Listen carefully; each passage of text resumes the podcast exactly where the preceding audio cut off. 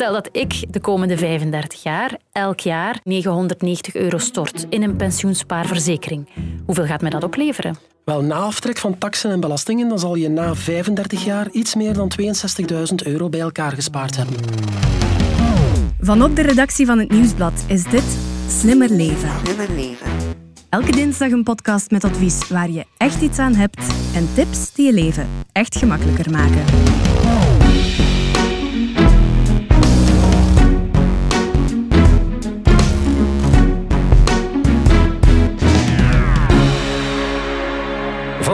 Deel 2 van de pensioenpodcast. Want slik het wettelijk pensioenbedrag dat normaal voor je klaarstaat is toch echt wel minder dan je verwacht had. Maar geen zorgen, er zijn manieren om dat bedrag wat op te krikken. Ik ben Elias Smekens en bij mij zit Stefanie Verhelst, vaste redactrice van deze podcast. Hey, hallo. En Christophe Simoens van de economieredactie van het Nieuwsblad en financieel journalist. Dag Elias, dag Stefanie. Dag Christophe. In deze podcast gaan we het dus hebben over hoe we ons wettelijk pensioen kunnen verhogen of tenminste stabiel houden. En het aanvullend pensioen, wat is dat juist? De groepsverzekering, pensioensparen of beleggen op lange termijn? Alle antwoorden in deze aflevering van Slimmer Leven. Vandaag gaan we dus nog even door op ons pensioen. Het was vorige week zo leuk en er is ook nog wel wat te vertellen, hè, Stefanie? Ja, echt hè. Ehm, in de vorige aflevering van de pensioenpodcast hadden we zo vooral gefocust op de basics, zeg maar, hè, van ons pensioen. Wanneer kan ik met pensioen? Hoeveel zal ik krijgen? Ehm, en in deze aflevering willen we eigenlijk vooral wat dieper ingaan op dat laatste, op dat bedrag. Hoeveel ga je krijgen? Ehm, want dat ligt voor sommigen toch wel een beetje lager dan, dan je had gedacht. Ja, en dan komt onze Christophe to the rescue. Christophe, je hebt daar uitgebreid onderzoek al eh, naar gedaan en opzoekingswerk rond verricht voor het Nieuwsblad. Jij weet wat we kunnen doen. Hè? Ik hoop te weten wat we kunnen doen. Nee, Tuurlijk. Alle gekheid op een stokje. Laten we misschien eerst eventjes de basisregel opfrissen van het pensioen. Hè. Hoe meer jaren je werkt en hoe meer je verdient, hoe hoger je wettelijke pensioen zal liggen. Daaruit vertrekt alles. De pensioendienst berekent je pensioenbijdrage voor elk jaar dat je gewerkt hebt, op basis van het loon dat je toen verdiende, en komt dan uit op een bedrag dat je elke maand uitgekeerd krijgt van vadertje staat. Ja. Hogere lonen, hogere pensioenen, langer aan het werk, meer pensioen en vice versa. Oké, dat is duidelijk. En, en wat zijn de opties in de praktijk om tot een hoger pensioen te komen? Wel, laat mij misschien eerst beginnen met de meest verrassende. Gewoon van werk veranderen. Ah ja, Dan zijn we weg, zeker? ja tot straks, hè. Tot, uh, enfin, tot, tot ziens. Nee, waarom zeg ik dat? Omdat uit onderzoek is gebleken dat wie van werk verandert gemiddeld 11% meer verdient bij zijn nieuwe werkgever. Oh, ja. Is dat omdat je loon dan in het beste geval ook gestegen is? Voilà. Ja. Er zijn heel weinig mensen die van werk veranderen om minder te verdienen. Juist. Dus dat is al een, een, een vrij evidente. Tuurlijk, je hoeft daarom niet van werk te veranderen. hè. Je kunt ook even binnenspringen bij je baas. Hopelijk hoort mijn baas het. Of je kan proberen om een promotie te versieren. Ook dat zal je hoger loon opleveren en dus uiteindelijk ook een hoger pensioen bezorgen. Ja, en ik ben nu wel eens benieuwd, Christophe. Stel, ik ben bij mijn baas binnengestapt. Zo assertief ben ik wel. Eh, en ik heb nu bijvoorbeeld 3400 euro bruto. En door mijn promotie, ga, of een nieuw werk, hè, ga ik 4000 euro bruto verdienen. 600 euro bruto meer. Wat, wat is het verschil voor mijn pensioen? Wel, ik heb dat ook even laten berekenen door de mensen van de Federale Pensioendienst. Dat zijn de wiskundige bollebozen. Hè. 600 euro bruto per maand, meer loon, zorgt voor een winst van 90 euro per maand op je wettelijke pensioen. Oké. Dat lijkt misschien niet zo heel erg veel, hè, 90 euro, maar het is wel elke maand 90 euro. Voor de rest van je leven. Als je dus bijvoorbeeld nog 20 jaar leeft, ja, dan heb je al gauw 21.600 euro meer pensioen. Dat is toch niet niks? Ja, absoluut. Absoluut. Christophe, wat kunnen we nog doen om dat maandelijkse pensioenbedrag op te krikken? Je kan bijvoorbeeld je studiejaren afkopen. Ken je dat principe? Nee. Nee, ik ook niet. Is dat dan bijvoorbeeld eh, vroeger met pensioen kunnen, omdat je jaren van je Nee, studie... nee, we we hebben het enkel en alleen over het opkrikken van je bedrag, Ah, je oké. pensioenbedrag. Dus wat je gaat doen, dat is de periode waarin je je diploma hebt behaald, die vier, vijf jaar dat je gestudeerd hebt, Ja. die ga je afkopen en dat worden dan zogezegd gewerkte jaren. Oké. Jaren waarop er dan een bijdrage is betaald voor je pensioen. En je weet, meer gewerkte jaren, meer pensioen. Ja. Dus daar doe je je voordeel mee. Maar je zegt afkopen, het kost geld. Dat klopt, ja. Als werknemer betaal je zo'n 1560 euro per afgekort studiejaar. Als je dat doet binnen de 10 jaar na het behalen van je diploma. Doe je dat daarna, dan kan het ook nog altijd, maar dan kost het wel wat meer. Het belangrijkste is dat je daarvoor eventjes surft naar mypension.be, de website van de federale overheid voor de pensioenen. En daar kan je dat laten berekenen. Maar op welke manier is dat dan interessant, Christophe? Stel dat ik mijn vier studiejaren van de Unie wil afkopen. Vier keer die 1560 euro, dat is 6240 euro. Gaat dat dan gerecupereerd worden in mijn pensioenbedrag? Gaat dat compenseren? En liefst zelfs nog, ja, moet het opkrikken. Dat Dus- is, dat is de bedoeling. Ja. Hè? Dat is de bedoeling. Dus hoe gaat dat in zijn werk? Die vier afgekochte jaren leveren ongeveer 40 euro extra pensioen op per maand. Oké. Als je nog 20 jaar van je pensioen kan genieten, dan is dat dus 40 maal 240 maanden. Dan Ja. kom je aan 9600 euro extra pensioen. Je doet je dus sowieso al 3360 euro winst, want het afkopen van die vier jaren kostte je 6240 euro. En eigenlijk is die 3360 euro zelfs nog maar een minimum, want je kan dat bedrag ook fiscaal aftrekken, dus van je belastingaangifte aftrekken. En dus is je winst eigenlijk nog groter. Ja. Alleen weet je natuurlijk nooit vooraf hoe lang je van je pensioen zal kunnen genieten. Dat Ja. is een beetje de onzekerheid. Ja, en ik hoorde je daarnet zeggen, Christophe, je, je doet het best binnen de tien jaar nadat je bent afgestudeerd. Maar als, ja, dat is toch, dan ben je toch nog bezig met alles opbouwen in je leven. Ten eerste denk je er dan nog niet aan, denk ik. En vooral, Mhm. hoe ga je dat dan betalen? Want het is toch wel hè, 6240 euro wel, bijvoorbeeld. Nu we het erover gehad hebben, zullen er hopelijk meer mensen aan denken, meer jongeren ook aan denken, om het binnen die tien jaar te doen. En als je er het geld niet voor hebt, de overheid eist niet, of de pensioendienst eist niet, dat dat geld uit jouw portemonnee of portefeuille of van jouw spaarboek komt. Hè. Je kan het misschien ook vragen aan je vader of je moeder Ja. als een soort van investering voor later. Ja. Wie weet lukt het wel. Oké. Zo'n Christophe Simons, dat is toch een grief in huis? Ja, Dat is ja. ongelooflijk. Goed, we weten al dat we van werk kunnen veranderen, dat we studiejaren kunnen afkopen. Wat eh, is de volgende optie, Christophe? Wel, misschien de meest eenvoudige, maar ook wel de meest efficiënte. Gewoon langer werken. Want de Ja. pensioendienst die berekent de pensioen op basis van 45 loopbaanjaren. Ja. Doe je er meer, ja, dan tellen die ook mee in de berekening. Dus dan krijg je een hoger pensioen. Dus als je het ziet zitten, als je je nog goed voelt en zo. Voilà. En je bent ook niet verplicht om voltijd te blijven Nee, werken natuurlijk. Je kan ook halftijds hè, of, of, vier vijfde. De dingen waar we het eh, net over hadden, krikken ons pensioen omhoog. Maar wat zijn de zaken die dat eh, bedrag naar beneden halen, Christophe? Wel, we hadden het daarnet over langer werken levert meer pensioen op. Omgekeerd, minder werken, halftijds, vier vijfden of zo. Ja, dat heeft een negatieve impact op je pensioenbedrag. Hè. Of uiteraard ook vroeger met pensioen gaan. Eh, Dat hebben we in de vorige aflevering van onze podcast al eens besproken. Dat heeft allemaal een negatieve impact. Ja, ik herinner mij, ik, ik ging toen uit zo van die 1750 euro netto die ik per maand zou krijgen als wettelijk pensioen. En ik herinner mij dat de berekening toen was, stel dat je drie jaar vroeger stopt, eh, of, ja, stopt met werken, dat dat dan 85 euro minder in de maand is voor pensioen.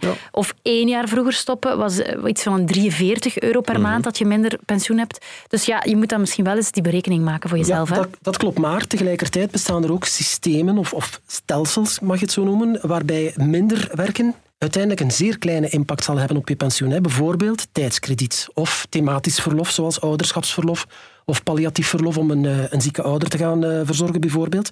Dat heeft bijna geen impact op je maandelijkse pensioenbedrag. Zou je vier vijfde gaan werken via de zogenaamde landingsbaan, hè, dat is dat fameuze systeem voor 60-plussers Ja. op het einde van hun loopbaan om het wat rustiger aan te doen, om eh, het werk werkbaar te houden, ook dan is het verschil zeer, zeer klein. Ja. Ja. Zeg je wat met tegenslagen, dingen waar je zelf niet aan kan doen, ziekte, ontslag, heeft dat een invloed op het pensioen? Ja, stel dat ik bijvoorbeeld vier jaar ziek uitval Ja. in mijn carrière en daarna weer voltijds aan het werk ga, Christophe. Wel, het principe is dat de pensioendienst zich in dat geval gaat baseren op je laatst gekregen loon. En die gaten in je carrière gaat hij dan invullen met wat ze dan noemen een fictief loon. Heel concreet, met jouw pensioenbedrag, Stefanie, van 1750 euro, verlies je door vier jaar ziekte elke maand zo'n 3,5 euro. Dus dat valt al bij al nog goed mee. Oké, daar zou ik me dan niet zoveel zorgen over moeten maken. Oké. Zeg, en als ik ontslagen word en vier jaar werkloos ben, bijvoorbeeld, met een uitkering? Wel, dan verlies je elke maand zo'n 37 euro van je pensioenbedrag. Tenzij je zelf ontslag hebt gegeven, hè, want dan heb je geen recht op die werkloosheidsuitkering. En dan riskeer je bijna 100 euro per maand minder pensioen te krijgen dan wanneer je bijvoorbeeld vier jaar zonder werk hebt gezeten Ja. en pas daarna opnieuw aan de slag gaat. De positieve en negatieve impact op ons pensioenbedrag hebben we gehad. We gaan zo meteen door over het aanvullend pensioen. Hoe kunnen we zelf een extra spaarpotje aanleggen naast dat wettelijk pensioen? Maar dat is voor zometeen.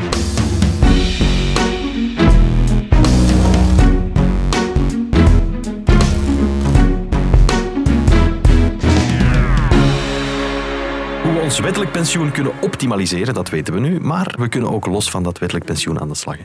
Dat klopt, eh, Elias. Als het wettelijk pensioen de zogenaamde eerste pijler is, dan hebben we ook nog altijd een tweede, een derde en een vierde pijler die ter beschikking staan.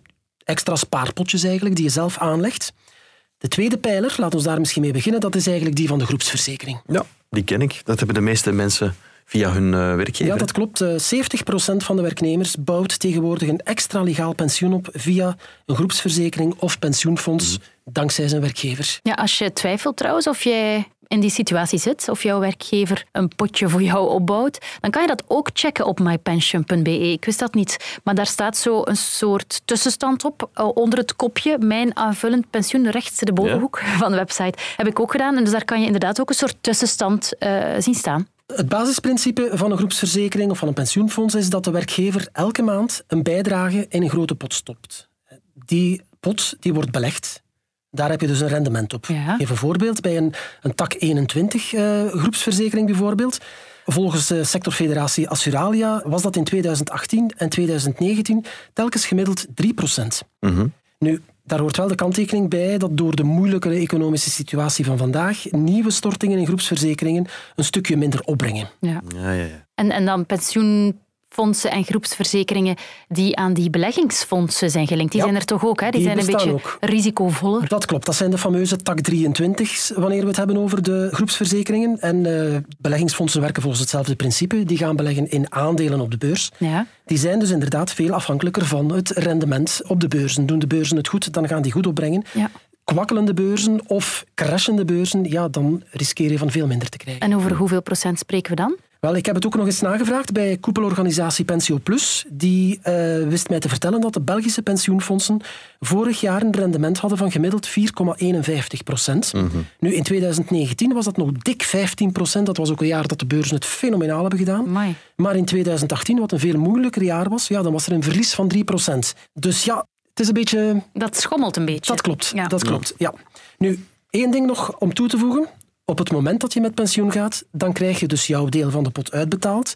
Maar de fiscus die passeert ook nog eens langs de kassa. Uiteraard. Maar, en dat is dan het eh, voordeel van de situatie, voor een groepsverzekeringen zijn de stortingen die je werkgever doet fiscaal veel voordeliger voor jou dan wanneer je datzelfde bedrag cash op je rekening zou krijgen, dus via je loonbrief. Ja. Dus je wint eigenlijk ook al elk jaar dat je in dat systeem Ja. zit. En die stortingen, wie bepaalt dat bedrag? Dat is je werkgever dan. Dat, eh, dat, heb is je een- niet in de hand. Nou, dat is een bepaald percentage afhankelijk van het loon dat je krijgt. Bij sommige werkgevers kan je ook zelf nog iets daaraan toevoegen, maar niet bij allemaal. Dat moet je maar eens navragen bij je HR-dienst. Kan je daar trouwens een bedrag dan op plakken, Christophe? Stel dat ik 3500 euro bruto per maand verdien op mijn werk en dat ik op mijn 65ste met pensioen ga.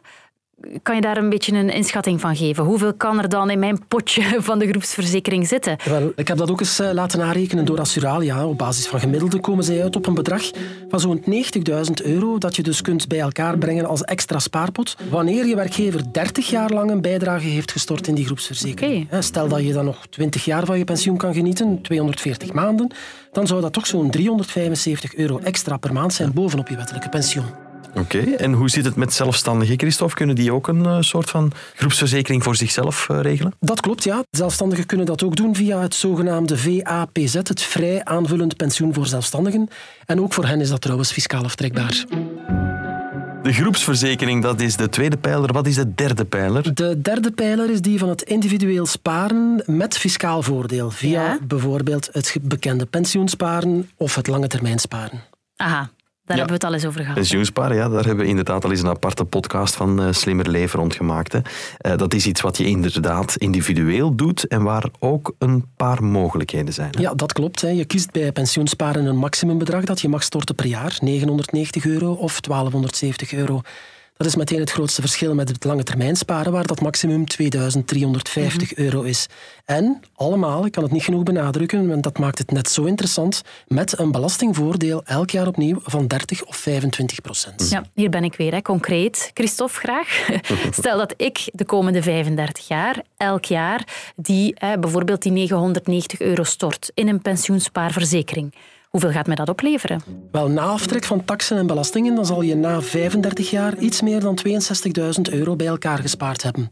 Of vanaf je pensioen over een periode van 20 jaar gespreid, elke maand 262 euro extra bovenop je wettelijk pensioen en wie weet zelfs bovenop je groepsverzekering Ja. uit de tweede pijler. Dus het begint aardig aan te Het begint een beetje, ja, als het allemaal een beetje samenkomt. Ja, ja, ja. En ik heb wel natuurlijk ook al die jaren 990 euro gestort eh, in pensioensparen, maar toch ook bijna 300 euro is het, denk ik, hè, telkens gerecupereerd via de belastingen. Hè? Dat klopt, ja, inderdaad. En herinner je, je doet best aan pensioensparen met geld dat je niet meteen nodig hebt, want je krijgt het bedrag pas uitbetaald op de dag van je wettelijk pensioen. Wil je het toch vroeger opnemen, dan betaal je daar een hoge kost voor. Dus goed nadenken.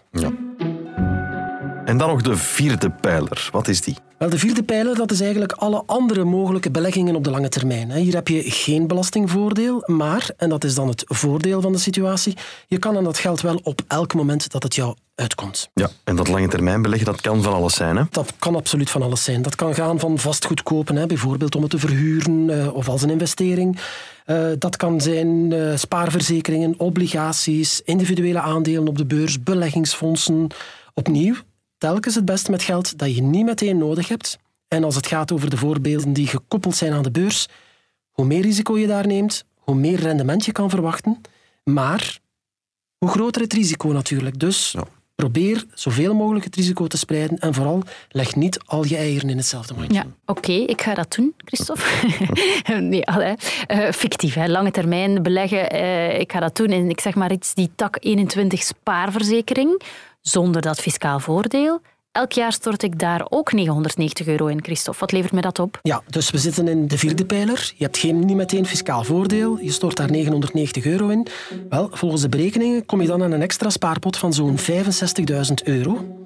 Nu, dat is meer dan je zou hebben mocht, dan mocht je die 990 euro in het pensioensparen hebben gestoken. Maar bij dat pensioensparen heb je natuurlijk elk jaar weer dat fiscale voordeel. Juist. Wat je hier natuurlijk niet hebt. Nee, oké, dankjewel. Dr. Google. Dr. Google, kan die nog iets toevoegen, Stefanie?